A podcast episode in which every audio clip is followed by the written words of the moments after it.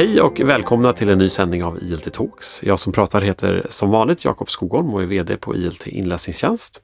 Med mig i studion idag har jag Sara Willermark. Välkommen hit! Tack så mycket! Berätta, vem är du? Ja, eh, jag arbetar som eh, lektor vid Högskolan Väst. Eh, och jag disputerade i början av förra året med min avhandling Digital didaktisk design, att utveckla undervisning i och för en digitaliserad skola. Mm. Det var en kort och snärtig rubrik så att säga. Eh, men det tyder ju på att dagens tema kommer handla om digitaliseringen i skolan. Och kanske mer specifikt hur man tar sig dit om man är en skola och vill börja jobba digitalt.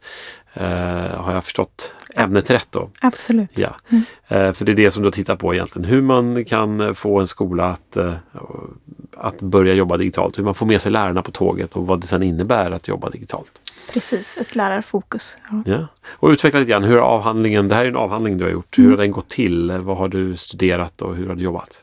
Men jag har ju eh, arbetat med det som kallas aktionsforskning. Alltså att jag själv som forskare är en del av förändringen. Eh, jag står inte utanför och liksom tittar in utan jag är med och, försöker driva arbetet och, och hjälpa till på olika sätt.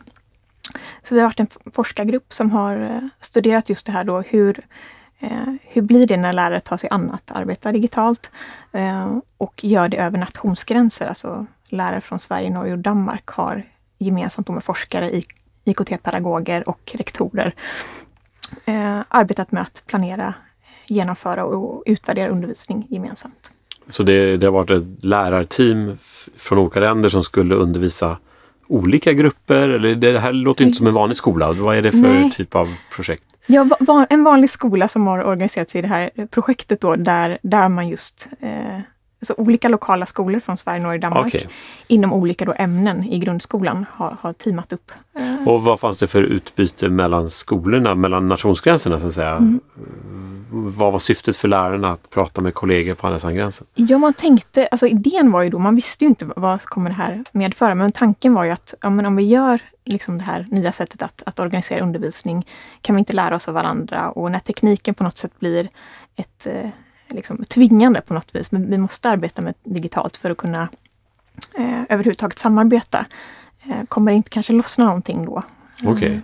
Och var det så att även svensk lärare kanske undervisade elever på något annat ställe? Exakt. Eller hjälpte till i undervisningen mm. i Norge och Danmark helt enkelt? Precis. Ah, Okej, okay, okay. så då, då, får man verkligen tvinga sig att uh, att tänka nytt mm. helt enkelt. Och sen tänkte man ju såklart då att det fanns olika vinster inom olika ämnen. Alltså till exempel diskutera sam samhällsfrågor inom samhällskunskap och jämföra då till exempel Sverige, Norge, Danmark. Ja. Eh, eller i naturkunskap kanske. Hur tar vi oss an gemensamma liksom, utmaningar eh, inom liksom, eh, klimathot och så vidare. Mm. Mm. Ja, okej okay, och vad har ni eh, sett i de här studierna då? Vad har det funnits för eh, lärdomar att dra av detta?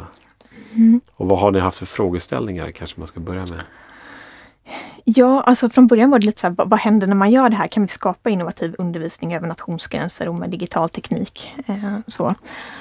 Eh, och vad som hände, alltså för det första, eller det som jag slogs av när jag började eh, i det här projektet, det var ju att man pratar ju ofta om olikheten mellan olika skolor vad gäller digitalisering.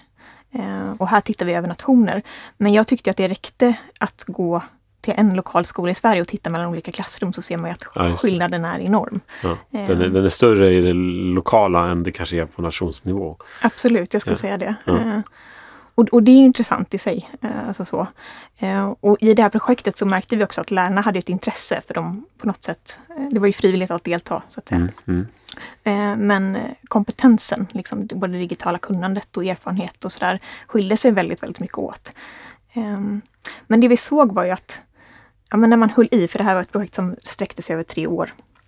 Och när man hade liksom genomgått det här projektet, för alla hade ju utvecklats eh, liksom, eh, ganska rejält så. Mm. Eh, och alla kunde bedriva undervisning som man upp, som tyckte liksom var meningsfull eh, ämnesundervisning med digital teknik då. I slutet av projektet. Och det var inte alls så från start. Okej. Okay.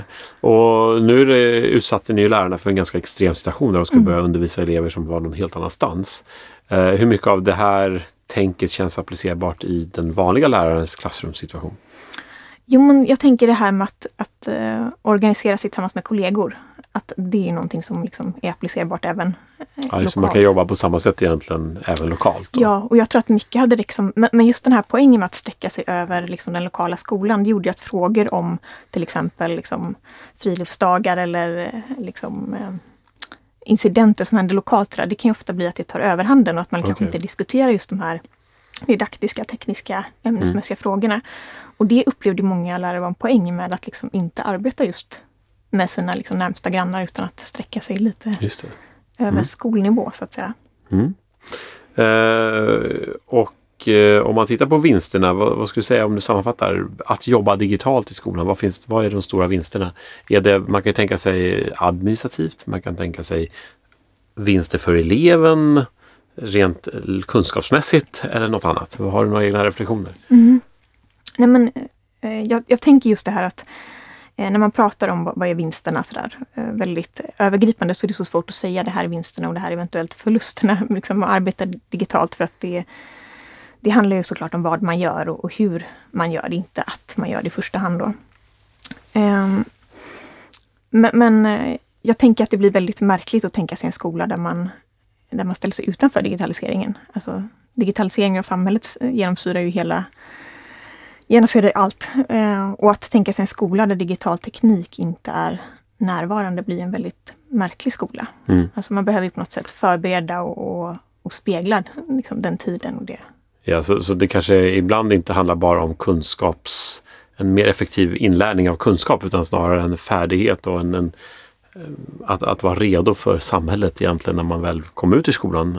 Och, och IT och digitalisering är en del av samhället. Absolut. Så det hänger ihop där. Och sen är det klart att det finns enskilda liksom, metoder som diskuteras. Blir det bättre eller sämre och, och liksom, kan vi vinna någonting och sådär.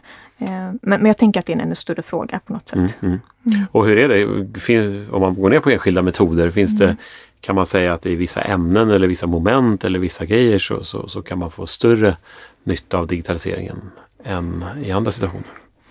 Ja, det, det spretar ju lite liksom, eh, åt, forskning åt olika håll. Men det här att skriva sig till lärande har ju, finns det ju eh, liksom till exempel eh, studier som pekar i en positiv rik- riktning, att det skulle vara gynnsamt. Mm, mm. Eh, sen har ju till exempel eh, särskolan eh, traditionellt varit, varit ganska liksom på och, och tidiga med att eh, digitalisera sin verksamhet.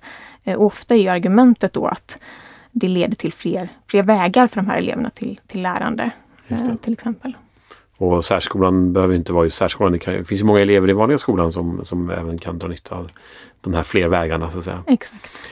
Eh, och om man vill ta sig till en digitaliserad lärarsituation i klassrummet, vad, vad skulle du säga är vägarna framåt? Om, om man tänker sig att man är en rektor till exempel och vill, vill få lite skjuts i det här arbetet i skolan. Man kanske tycker det finns en del lärare som inte riktigt har eh, hoppat på tåget eh, och det kanske finns några som är på tåget och så vidare. Vad, vad skulle du säga som rekommendation? Ja, men det första skulle jag säga att jag, att jag blir glad av att höra då att den här rektorn vill. För jag tänker att ytterst är det faktiskt rektorns ansvar att driva och initiera skolutveckling.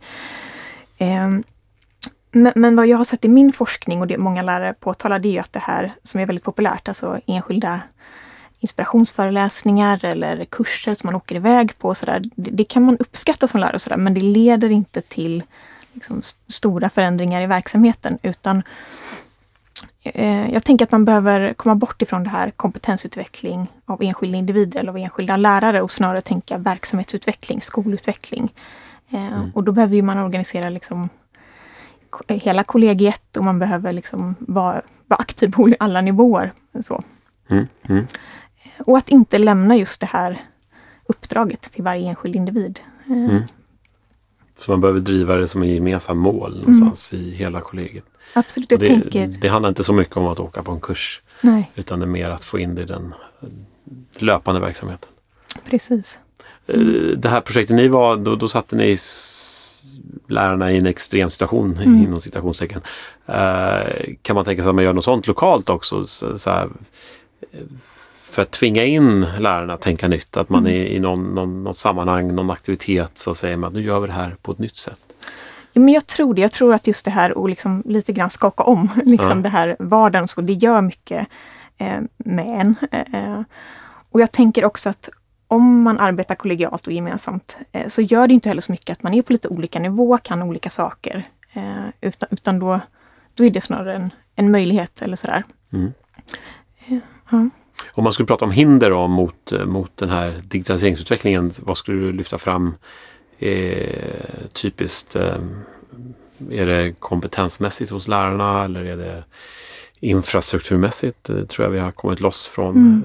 För fem år sedan kanske mm. det var lite infrastrukturen som haltade men nu tror jag vi själv att vi har kommit runt det. Liksom. Precis. Eh, jag tror inte i första hand att det handlar om infrastruktur. Jag tror att det handlar mer om kompetens, alltså just digital kompetens. Eller, eh, och samtidigt som det jag ser i, i det projektet jag studerar, då, det är att det händer ju faktiskt någonting när man engagerar sig eh, över tid och, och, faktiskt arbetar. Så det är en tröskel man kan komma mm. över. så.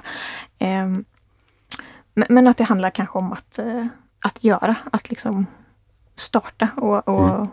och komma igång på många sätt. Eh, för det, det, kan, det blir fel Mm. Ofta, liksom. eh, och man, miss, eh, man upplever att, att det blir misslyckat och sådär. Eh, ofta när man tar sig an någonting nytt och man kanske har ett teknikfokus och glömmer ämnet eller liksom ibland tappar lite meningen eller vad var poängen med den här uppgiften. Mm. Eh, och, och, det kanske är ett naturligt första steg, att man behöver börja bekanta sig och förstå lite vad, vad, finns det för teknik och vad är möjligt att göra. Mm. Eh, sen är det klart, man måste komma vidare, man kan inte stanna där, men att det eh, blir ett naturligt steg. Liksom. Yeah. Mm. Bra, ja, men vad intressant. Eh, vad ser du framför dig själv nu då, nästa steg? Nu har du gjort den här avhandlingen. Ska du fortsätta utforska det här eller kanske ställa dig i verkligen? Ja, alltså jag skulle gärna göra, fortsätta göra både och. Eh, ja. Arbeta med forskning fast i, i verkligheten, i verksamheten eh, mm. på skolor. Ja. Mm. Det lär finnas många öppningar för det, kan vi hoppas. Bra, men då vill jag tacka för att du tog dig tid att komma hit. Tack så mycket. Och medverka. Och eh, ni som vill komma i kontakt med oss här på ILT inläsningstjänst.